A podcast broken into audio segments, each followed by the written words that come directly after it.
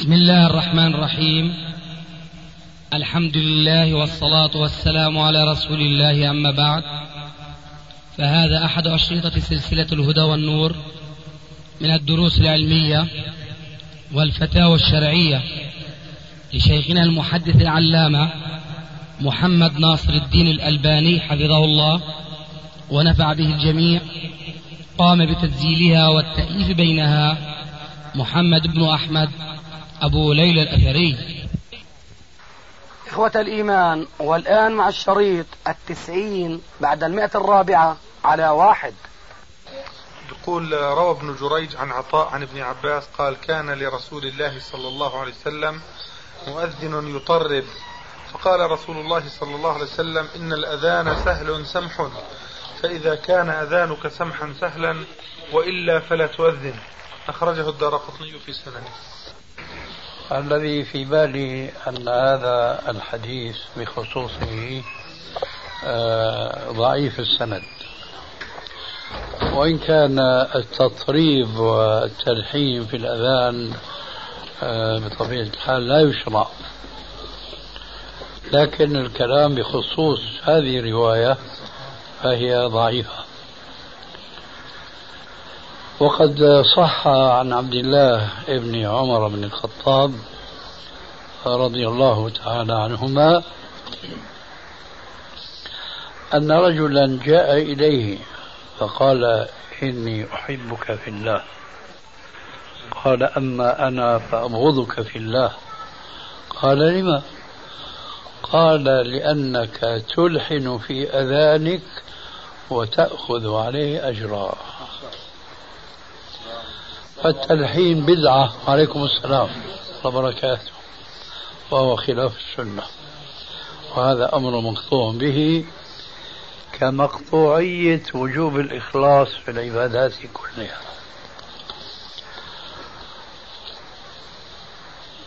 غيره. لو كتاب الأسئلة حتى يصير الفائدة أكثر. من حيث التسجيل والصوت. تفضل. بسم الله الرحمن الرحيم. السؤال يعني وجودنا في تلك البلاد التي تحدثت عنها في الأسبوع الماضي. يقول أين تجد الحد الفاصل بين المعاملة الحسنة التي شرعها الإسلام وبين بداية الذوبان والانحراف في المجتمع الأوروبي؟ أين تجد؟ نحن لا نجد اليوم المعاملة الحسنة كما ينبغي في البلاد الإسلامية فضلا عن بلاد الكفر. أقول هذا وإن كان من المشهور عند كثير من الناس الذين ابتلوا بالاستيطان في بلاد الكفر أنهم يجدون هناك نوعا أو أنواعا من المعاملات آه، هي أحسن بكثير من بعض المعاملات في بعض البلاد الإسلامية. لكن الحقيقة أنه هذه النوعية الحسنة التي آه، ترى في تلك البلاد هي نابعة عن تجارب كثيرة مر بها الكفار ووجدوا أن من مصلحتهم الاستقامة في معاملاتهم. ولم تكن هذه الاستقامة في معاملاتهم نابعة من دينهم وإنما هي التجارب يعني حملتهم. وعليكم السلام. على الاستقامة في بعض المعاملات في البيع والشراء والأخذ والعطاء ونحو ذلك. عليكم السلام ورحمة الله وبركاته. وإلا فليس كما يقول وعليكم السلام ورحمة الله وبركاته. وعليكم السلام ورحمة الله. وإلا فليست القضية كما يشاع بين بعض الناس ويظنون تلك الإشاعة حديثا مرويا عن النبي صلى الله عليه وآله وسلم وهي قولهم الدين المعاملة. فالذي أريد أن أنبه عليه بمثل هذه المناسبة هو أمران اثنان. أولهما أن هذه الجملة ليست حديثا نبويا إطلاقا. آه، والشيء الثاني أنها ليست صحيحة المعنى على إطلاقها لأن هذا التركيب من حيث الأسلوب العربي الدين المعاملة هو على وزان قوله عليه الصلاة والسلام الدين النصيحة. ومثل هذا الحصر في المبتدأ والخبر في الأسلوب العربي يعطي أهمية هذا المبتدأ الذي كان خبره النصيحة الدين النصيحة. فالذي أشاع هذه الجملة الدين المعاملة. ضاها فيها بقوله عليه السلام الثابت في الصحيح الدين النصيحة فهل المعاملة كالنصيحة في الدين؟ الجواب ليس كذلك. لا شك ولا ريب أن المعاملة الحسنة من المسلم لأخيه المسلم هو بلا شك من الدين. مما يأمر به الإسلام ولكن ليس هو الدين كما يفيد هذا التركيب الدين المعاملة. ولذلك بعد هذا البيان أقول إذا كان الكفار الأوروبيون أو أمريكيون أو غيرهم نجد في معاملاتهم شيئا من الحسن أو النصح فلا يعني ذلك أن معاملاتهم كلها كلها هي معاملة صحيحة وحسنة.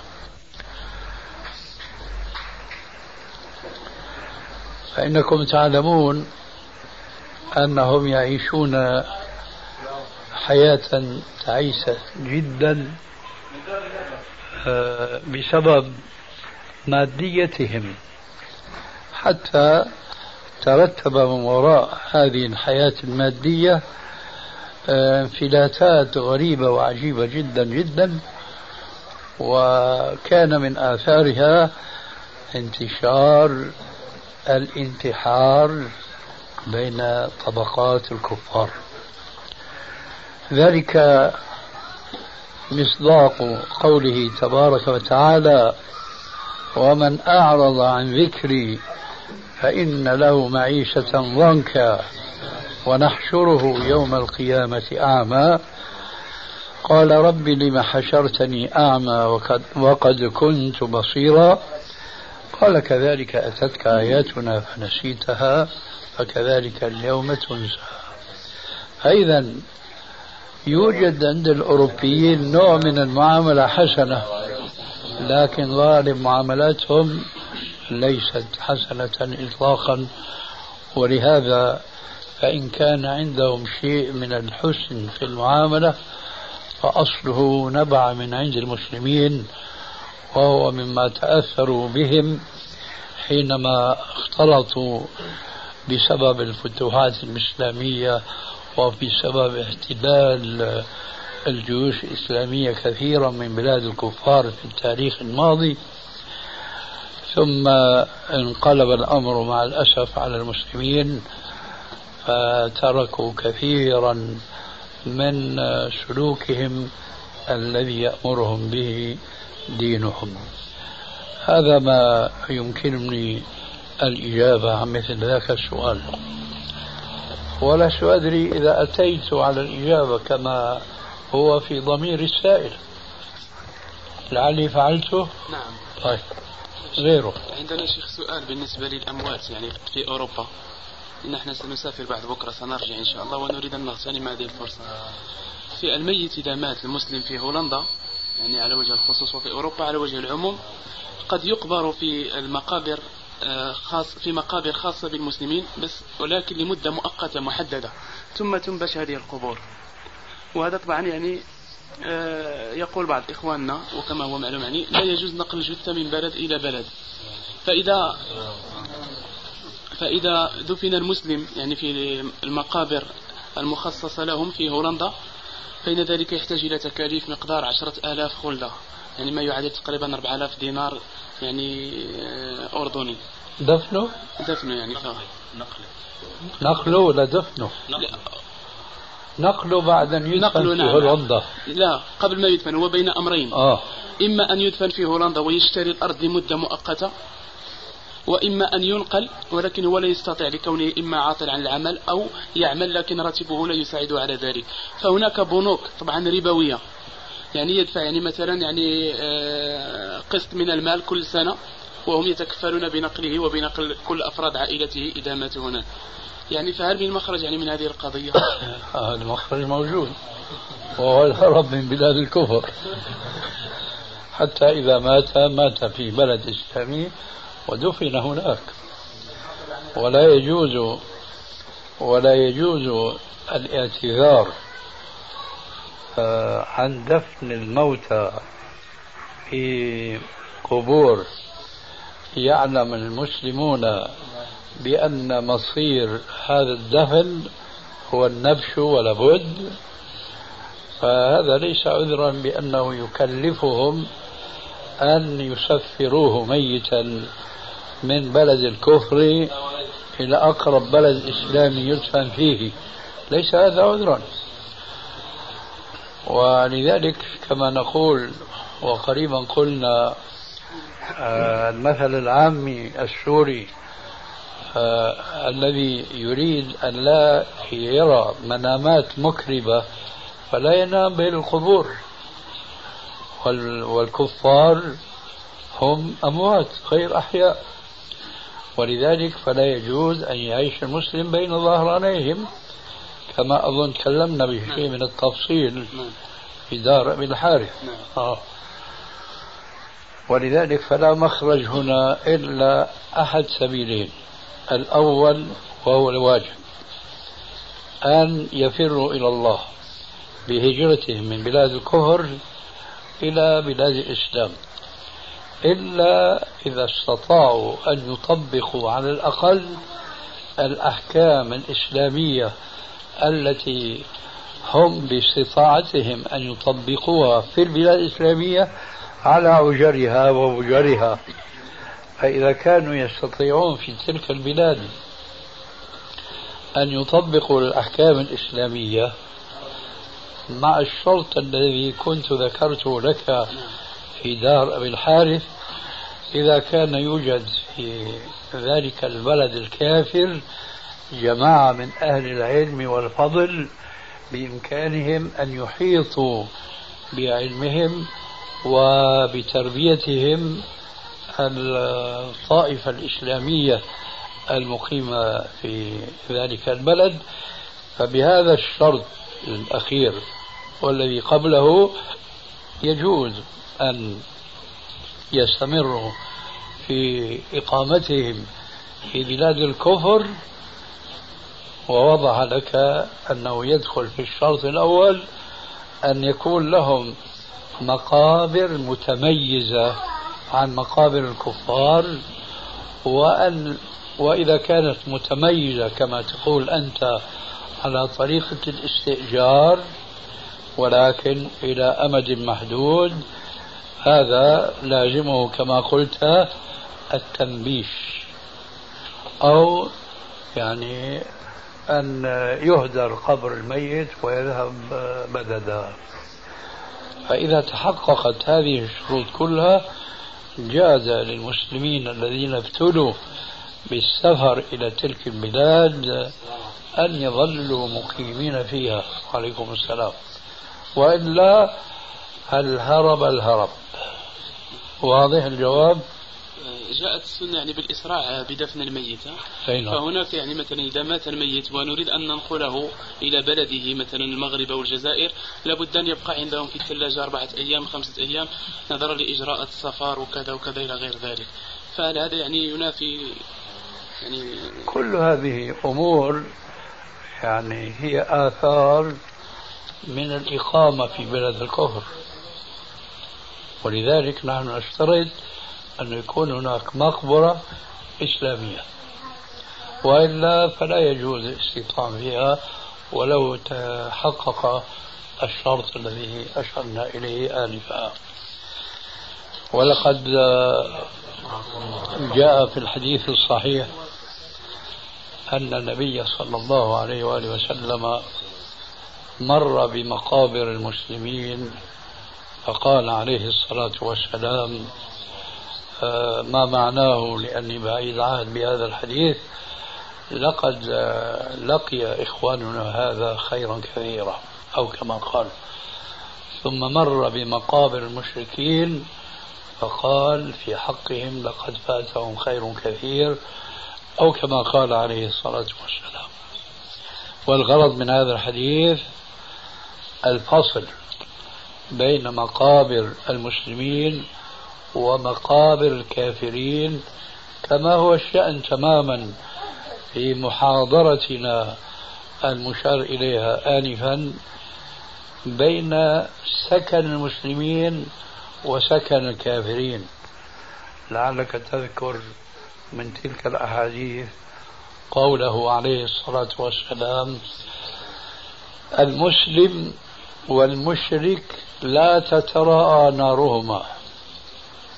المسلم والمشرك لا تتراءى نارهما أي لا يكون مساكن المشركين قريبة من مساكن المسلمين أو لا تكون مساكن المسلمين قريبة من مساكن المشركين. فما بالك إذا كانت مساكن المسلمين في مساكن الكافرين؟ وكما يقولون باللغة العامية خليط مليط هذا خطير جدا. كذلك الشأن في موتى المسلمين. يجب أن يكون لهم آه، مساكن خاصة بهم وهي القبور الإسلامية. ومن نتائج هذا التفريق يترتب من وراء ذلك أحكام شرعية قد لا يتنبه لها الكثير من المسلمين اليوم. لا سيما وأن أكثرهم صاروا كالأجانب تماما من حيث موقفهم تجاه الموت والموتى وبكل ما يذكر بالموت أو بالموتى. نادر جدا جدا أن ترى مسلما اليوم يقصد زيارة القبور. بل نادر جدا أن تجد مسلما إذا مر عفو الخاطر بمقبرة من مقابر المسلمين فيسلم عليهم السلام المشروع. السلام عليكم أهل الديار من المؤمنين والمسلمين. وإنا إن شاء الله بكم لاحقون. أنتم لنا فرط ونحن لكم تبع. نسأل الله لنا ولكم العافية.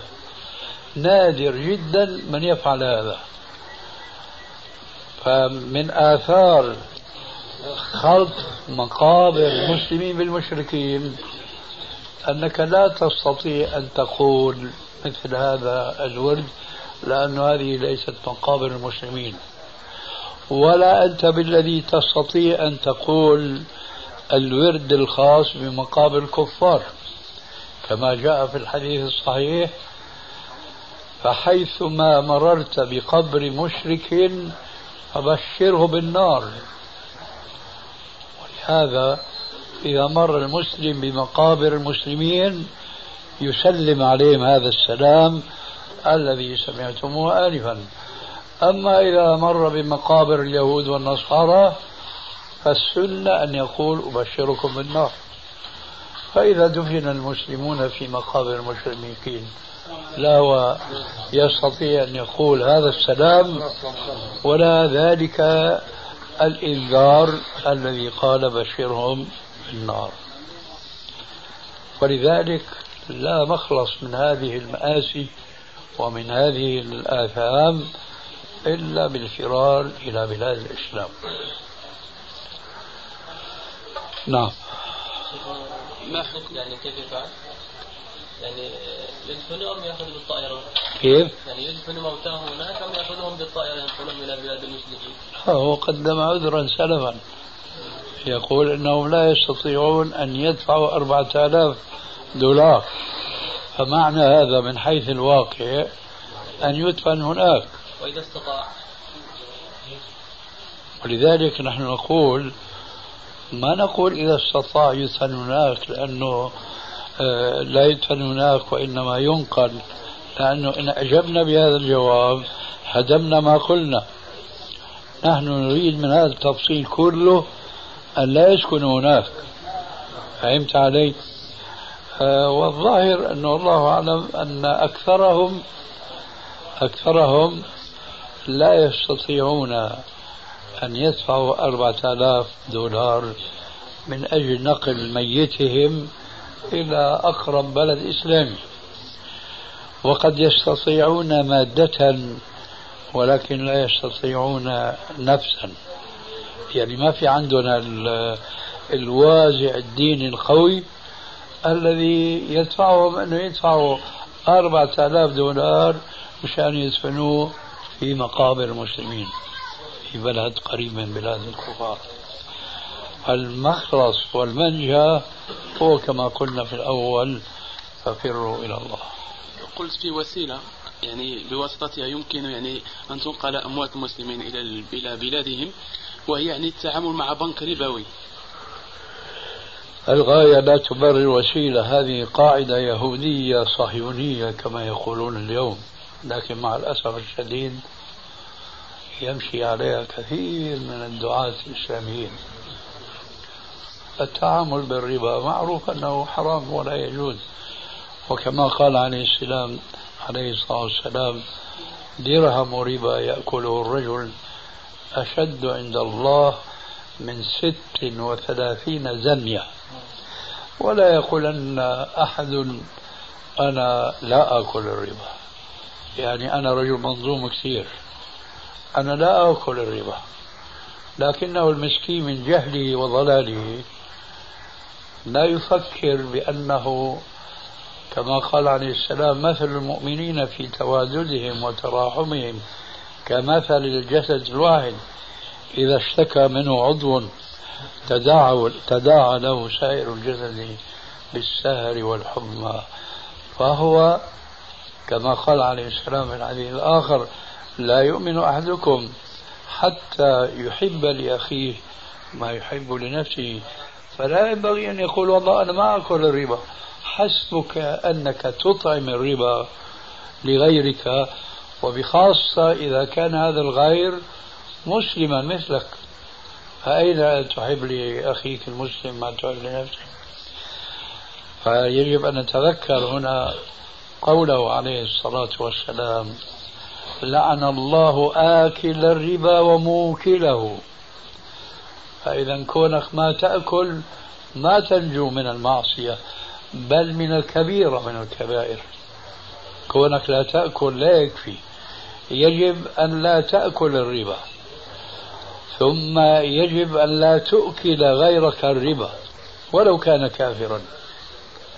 وهنا لابد لي بمثل هذه المناسبة أن كثيرا من الذين ابتلوا بالسكن في بلاد الكفر هم قد يكونون مذهبيين وهذا هو الغالب عليهم. وفي المذهب الحنفي بخاصة يستحلون الربا في بلاد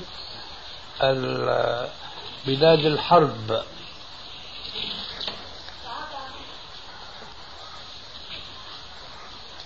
وهذه البلاد يذهبون إليها. ما في داعي بارك الله فيك. أحسن يكون في ناموس شيخنا أو شيء يعني. هل ما لجرح بميت إلام يبس الجلد ما عاد في الله الإحساس. يبارك الله يبارك. في صحتك وعافيتك يا شيخ. خلي الناموس يستفيد يا شيخ. خلي الناموس.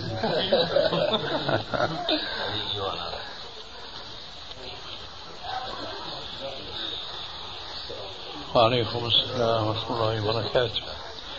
كثير من بعض المتفقهة في هذا الزمان بناء على ما جاء في بعض كتب المذاهب أن الربا المحرم هو محرم في بلاد الإسلام. أما في بلاد المحاربين هذا يباح عندهم. وهنا تجد كما يقال اليوم الازدواجية في تعامل المسلمين مع الكفار.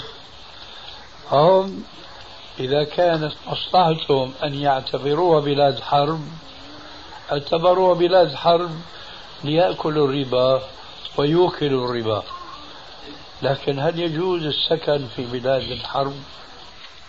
ما يجوز طبعا. فإذا يحرمون ويحللون على كيفهم وعلى آويتهم. لهذا أريد أن أقول أنه لا يكفي المسلم أن يكون بريئا من أكله الربا بل يجب أن يكون بريئا من خصال ثلاثة أخرى. الأولى ألا يأكل الربا الثانية ألا يطعم الربا غيره الثالثة ألا يكون كاتبا للربا أي معينا ومعنى هذا ألا يكون موظفا في البنك. ولو كان مكتوب عليه البنك الإسلامي لأن هذه أسماء لا تعني مسمياتها. والأمر الرابع والأخير ألا يشهد على الربا. ذلك قوله عليه الصلاة والسلام لعن الله آكل الربا وموكله وكاتبه وشاهديه. والآن نكتفي لأنه بدأ الشاي يتشوش علينا وأبو أحمد يريد يكون التسجيل. ليس مخلوطا معه آه المضغ أو المص. جزاك الله خير يا شيخ. وهذا نشوف يعني آه، بحثنا عن طريقة يعني تكوينه فوجدنا أنه يوضع فيه منفح عجل. وطبعا هم لا يذبحون. يعني فهل يجوز يعني أكل هذا الجبن؟ إذا كان لا يوجد في هذا الجبن الهولندي سوى المنفعة فيجوز أكله. وهذا على ذمتك لا لا نعم في منفح عيش المكتوب بالهولندي. أقول إذا كان لا يوجد. نعم. هذا على ذمتك أنا أقول لك يا شيخ ما هو مكتوب على الجبن ها؟ على ذمتهم الآن خربتها. وإحنا أنا بحثنا ظننت ها؟ أنا بحثنا عند يا الفلاح شيخ الله يهديك. أنت يبدو أنك مغربي يعني. هو كذلك. هذه. ما تعرف هذه النكتة يا أنت؟ تعرفها؟ سمعها منكم شيخنا يبدو والله أعلم. من أين عرفتها؟ شريف لكم. من شركة شيخ إحنا لما رأينا هذا مكتوب في التكاكين أنا أوهمتني آنفا بأنك أجريت تحقيقا. اصبر علي. نحن عرفنا أنك مغربي. شايف؟ فيكفينا. فاصبر علي. خير آه، فهمنا من كلامك أنك أجريت تحقيقا خاصا في حدود الاستطاعة التي كنت يومئذ تملكها. وما فهمنا أنك قرأت فقط. لأن الذي تقرأ أنت نقرأه نحن هنا. لكن نحن بحاجة إلى علم زايد عما يكتبه الكفار. لأننا بلينا بكتابة الكفار فطالما جاءتنا لحوم مكتوب عليها ذبحت على الطريقة الإسلامية. أسماك شحنت بالقناطير المقنطرة إلى السعودية ومكتوب عليها أنها ذبحت على الطريقة الإسلامية. رأيتها يا شيخ في المدينة. أنت رأيتها في المدينة النبوية. آه. إذا هذا صحيح. طيب. فإذا نحن بلينا بهذه الكتابة المزورة ولسنا بلينا نحن كأفراد وإنما كوزارة وزارة الأوقاف هي التي كانت تعلن بأن هذه اللحوم المبردة التي تأتي من الخارج هي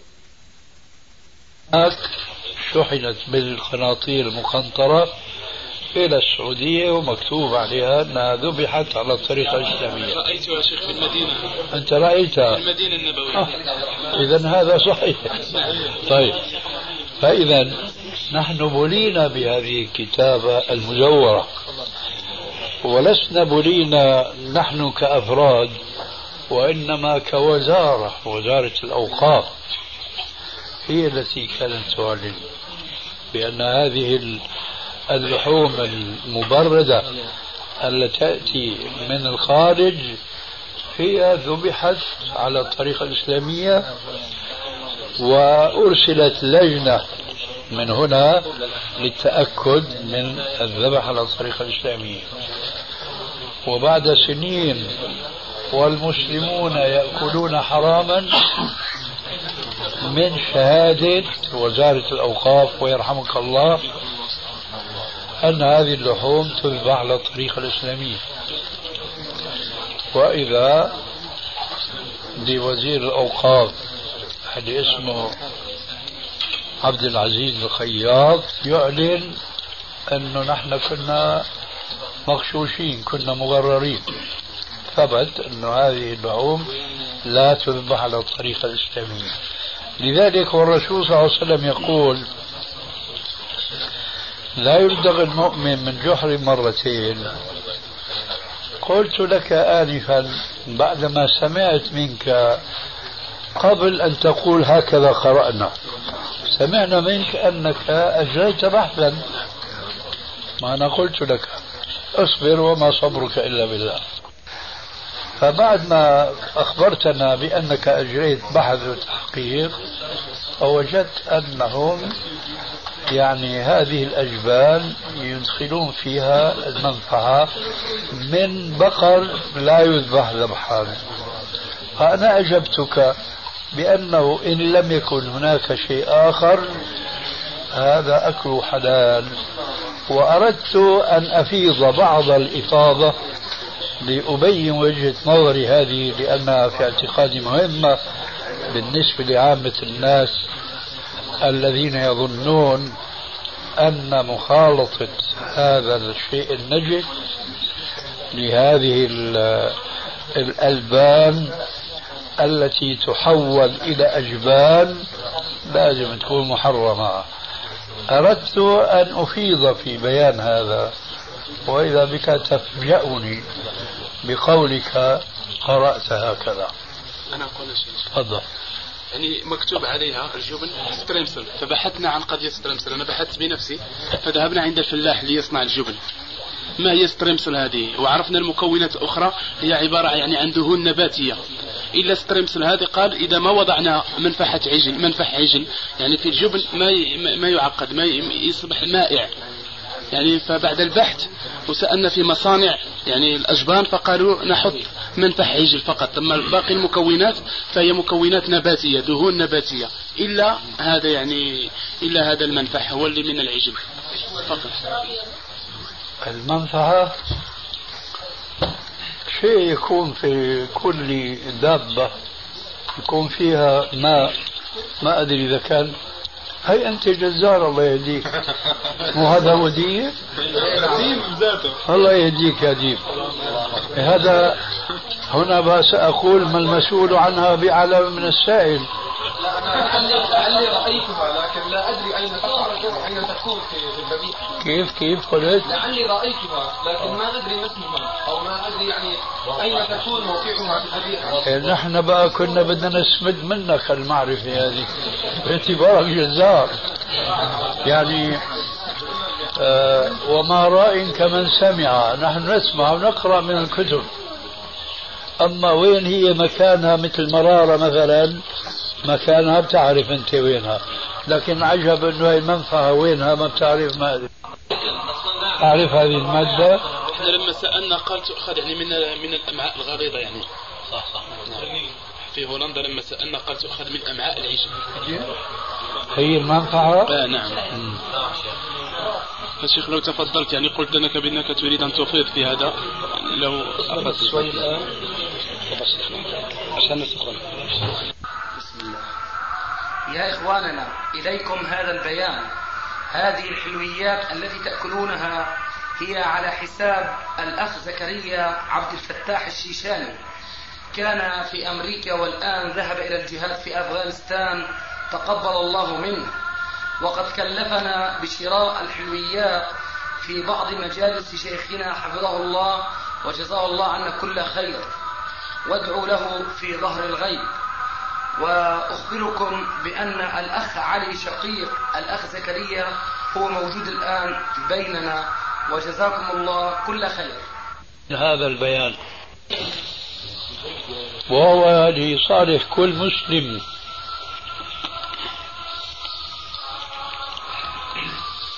كثير من المسلمين اليوم يقعون في مخالفة هذا البيان. فيقعون في وزر قوله عليه الصلاة والسلام المتشبع بما لم يعطى كلابس ثوبي زور. لولا هذا البيان ما الذي يفهمه الجالسون في هذا المكان؟ أن هذه ضيافة من أخونا أبو ليلى وهو أهل لمثلها ولخير منها إن شاء الله. لكن لما كان الواقع أن هذا ليس منه ولكي لا يشمله وعيد قوله عليه السلام المتشبع بما لم يعطى فهو كلابس ثوبي زور اضطره تأثره بهذا الحديث وتربيته على أساس السنة أن يعلن هذا البيان. وربما يكون الذي آه، تفضل بهذا الإكرام لإخواننا الجالسين هنا قد لا يرضى بأن يشهر. وهذه منقبة تتعلق به. ولكن لكي ينجو هو من إثم كتمان الأمر وأن لا يتعلق به الوزر المذكور في الحديث السابق المتشبه بما لم يعطى فهو كلابس ثوبي زور. من أجل ذلك كان هذا البيان وفي ذلك ذكرى ينتفع بها المسلمون السامعون إن شاء الله. قلت إن الجبنة الهولندية كما أخبرنا أخبرنا صاحبنا هذا أنه ليس فيها إلا المنفعة التي تستخرج من حيوان قتيل غير ذبيح من البقر الهولندي المشهور بضخامته وبلحمه. فأنا قلت له إذا كانت الجبنة الهولندية ليس فيها إلا هذه المنفعة التي تعتبر نجسة لأنها من ميتة وليست من ذبيحة. مع ذلك يكون هذا الجبن أكله وبيعه وشراؤه حلال. أعني أن هذه المنفعة التي تلقى كمية قليلة جدا منها في مئات الكيلوات من الحليب حتى يتخثر ويتحول إلى جبنة. هذه النجاسة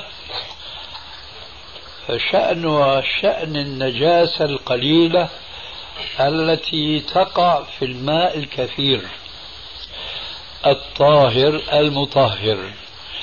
فكما أن وقوع هذه النجاسة في هذا الماء الطاهر المطهر لا يحوله نجسا لا يجوز استعماله لا شربا ولا تطهرا. كذلك هذه المنفعة التي تلقى في الكمية الكبيرة جدا من الحليب ليتخثر وليتجمد كما قلنا. لا يجعل هذه الجبنة محرمة لأن هذه النجاسة القليلة اضمحلت اضمحلت فيها الكثرة الكافرة من السائل الذي هو الحليب. هذه المسألة الفقهية التي يتبناها بعض المذاهب الإسلامية حول الماء تحل بها مشاكل كثيرة في العصر الحاضر منها ما يتعلق بالجبنة الهولندية. مذهب الإمام مالك رحمه الله وأظنه مذهب الإمام أحمد أو رواية عنه أن الماء الكثير كما قال عليه الصلاة والسلام في الحديث الصحيح الماء طهور لا ينجسه شيء. جاء في رواية إسنادها ضعيف ومعناها صحيح متفق على صحة معناها وهي ما لم يتغير طعمه أو لونه أو ريحه. وهذا المعنى المجمع عليه يمكن أن يتنبه له بشيء من الدقة إلى صحته نظرا في قوله عليه الصلاة والسلام الماء طهور لا ينجس شيء أي ما بقي ماء. فإذا رأيت ماء قد تغير لونه بسبب نجاسة أنت لا تسميه ماء مطلقا. لا تقول هذا ماء. هذا على الأقل تقول عنه ماء آسن ماء متغير طعمه بنجاسة إلى آخره. فما دام أن الماء لا يزال محافظا على خصائصه الطبيعية كما لو كان أنزل من السماء آنفا فهو الماء الطهور الذي امتن الله عز وجل به على عباده المؤمنين ليطهركم به. فلما جاءت هذه الزيادة بسند ضعيف وأجمع عليها علماء المسلمين صح يقينا أن نفهم الحديث بهذا الشرح والبيان. الماء طهور لا ينجس شيء بشرط ألا يتغير طعمه أو لونه أو ريحه. ولكن هذا الشرط لا بد من تقييده. ما لم يتغير طعمه أو لونه أو ريحه بنجاسة. أما إذا كان هذا التغير في وصف من هذه الأوصاف الثلاثة بغير نجاسة فليس معنى ذلك أن الماء تنجس. كل ما يمكن أن يطرأ عليه من تحول أن يخرج من كونه مطهرا فيبقى ماء طاهرا. أي لا يمكن أن تتوضأ به لأن لأنه ليس مطهرا لكن يمكنك أن تغسل به ثيابك يمكنك أن تترطب به يمكنك إلى آخره لأنه طاهر ويمكن أن تشربه هذا السائل مثلا هذا الشراب هذا ماء لكن طعمه متغير ولونه متغير فهل هو نجس؟ الجواب لا لأن هذا التغير ليس أثر نجاسة وإنما أثر طاهر فهو طاهر يجوز شربه لكن لا يجوز لك أن تتوضأ به لأنه ليس مطهرا. فإذا عرفنا هذا الحكم الشرعي المتعلق بالماء الذي أنزله الله عز وجل من السماء يمكن نقله إلى قضايا أخرى. مثلا الزيت. والسمن إذا وقعت فيهما نجاسة وكان كل منهما سائلا فهل يتنجس؟ خذ الميزان. إذا تغير أحد أوصافه الثلاثة بهذه النجاسة التي وقعت في هذا الزيت السائل أو السمن السائل فلا يجوز بيعه ولا شراؤه. وإنما يجب إراقته. أما إذا لم يتغير الزيت أو السمن بمغيرات من هذه الأوصاف الثلاثة فيظل طاهرا جائزا أكله وبيعه وشراؤه. هذا إذا كان سائلا. أما إذا كان جامدا الأمر أسهل. فقد جاء في الحديث الصحيح وهو قوله عليه الصلاة والسلام إذا وقعت الفأرة في سمن أحدكم فألقوها وما حولها وكلوه. فألقوها وما حولها وكلوه. وقد اختلف الفقهاء في هذا أو في هذه المسألة بناء على اختلاف الرواة في هذا الحديث رواية. الرواية الصحيحة هو ما سمعتموه آنفا مطلقة. إذا وقعت الفأرة في سمن أحدكم فألقوها وما حولها وكلوه هذه رواية الصحيح البخاري وغيره ومن طرق تدور على الإمام الجليل الإمام الزهري. لكن في رواية أخرى خارج الصحيح تفرد بروايتها معمر عن الزهري فأدخل في الحديث تفصيلا. كان هذا التفصيل منشأ خلاف الفقهاء حيث قال فإن كان جامدا فألقوها وما حولها وإن كان مائعا فأريقوه. رواية معمر هذه رواية شاذة في تعبير علماء الحديث لأن معمرا هذا آه، ثقة ولكن له بعض المخالفات.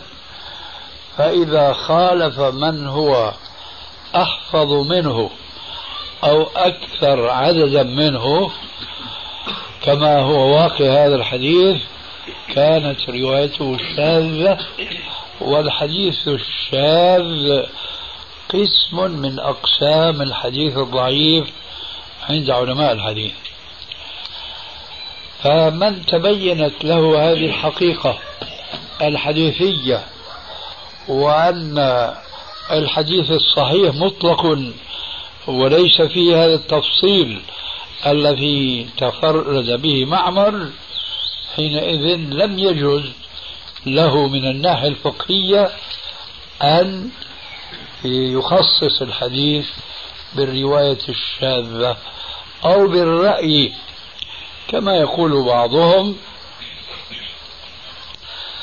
هذه الفأرة حينما تقع في السمن الجامد آه، يمكن حينما نرى السمن جامدا وهو محيط بالفأرة يمكن أن تكون حينما وقعت وقعت في السمن أو في الزيت وهو مائع فإذا بتكون السمنة أو الزيت قد طربت فيها الفأرة واختلطت نجاستها بهذا السائل من الزيت أو من السمن. فما يدرينا نحن أن هذه الفأرة وقعت في هذا السمن وهو جامد فقط. أو زيت. هذا رأي لبعض الناقدين من الفقهاء ولكن نحن لا نرى لمثل هذا الرأي وزنا أو قيمة تذكر تجاه عموم الحديث أو إطلاق الحديث الصحيح.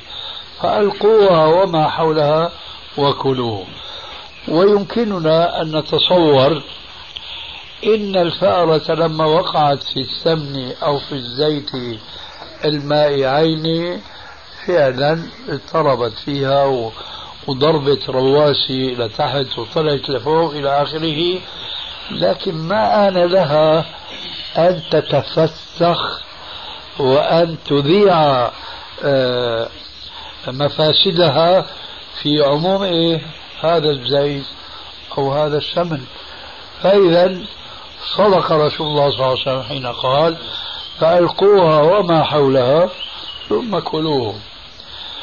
على هذا الميزان نخرج بالنتيجة السابقة أن الجبنة الهولندية وأن كان فيها شيء من نجاسة المنفعة فهذا لا يضر لأن هذه النجاسة ضائعة في غمرة الأطنان أو على الأقل كيلويات من الحليب. واضح؟ طيب. في هناك واحد. يا عبد الله شو كان عندك؟ الرسول عليه الصلاة والسلام قال إذا سمعتم المؤذن فقولوا كما يقول ثم صلوا عليه عندما كان يؤذن أذان العشاء ما سمعنا يعني من سماحتكم رديتم. وليس هنا السؤال إنما السؤال هل هو واجب أم غير واجب رد السؤال؟ إيه رقعتها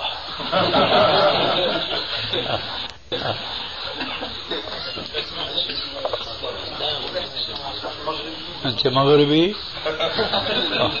لأن الأرض مسكونة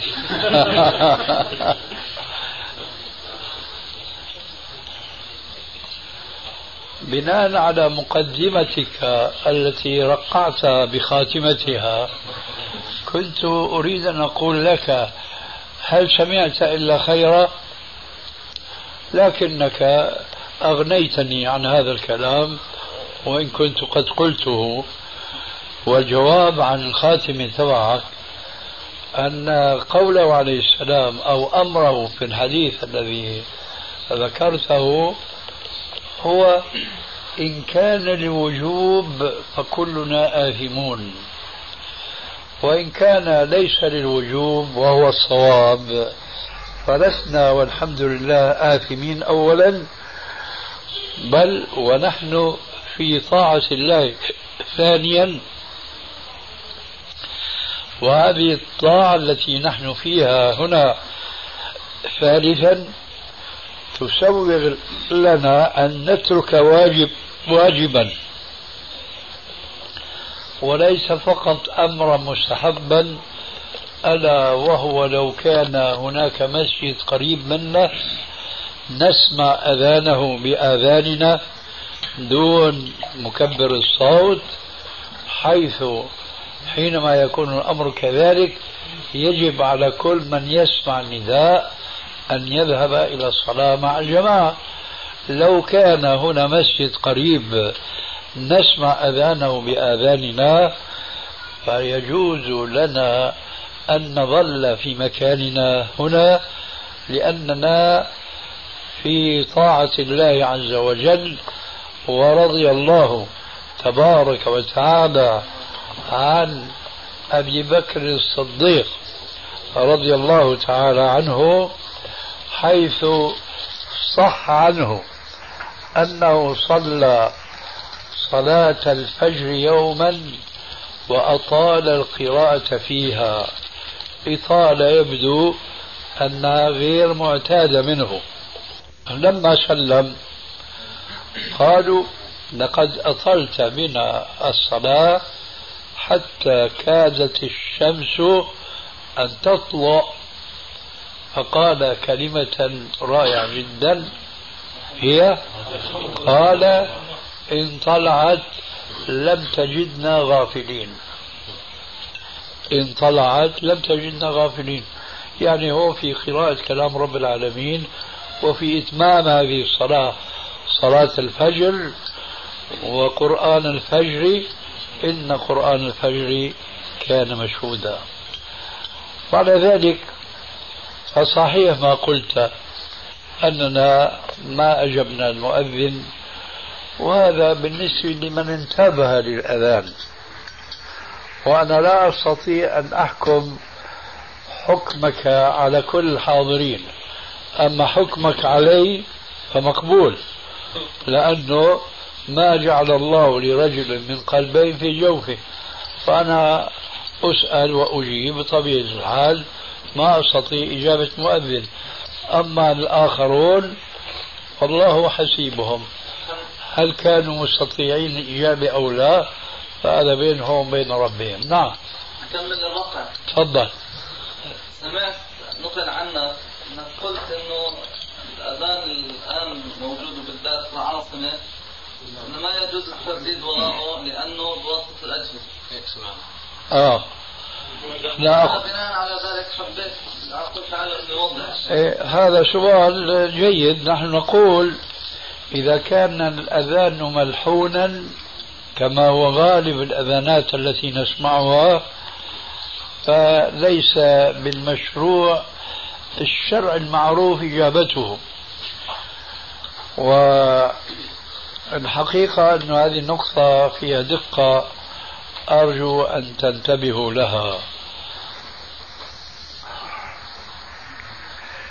كثيرا ما نلاحظ بعض الإخوان وغيرهم يدخلون المسجد يوم الجمعة وهذا الأذان الموحد المخالف لسنة التوحيد آه، يؤذن فيقف. الداخل المسجد واقفا والخطيب على المنبر.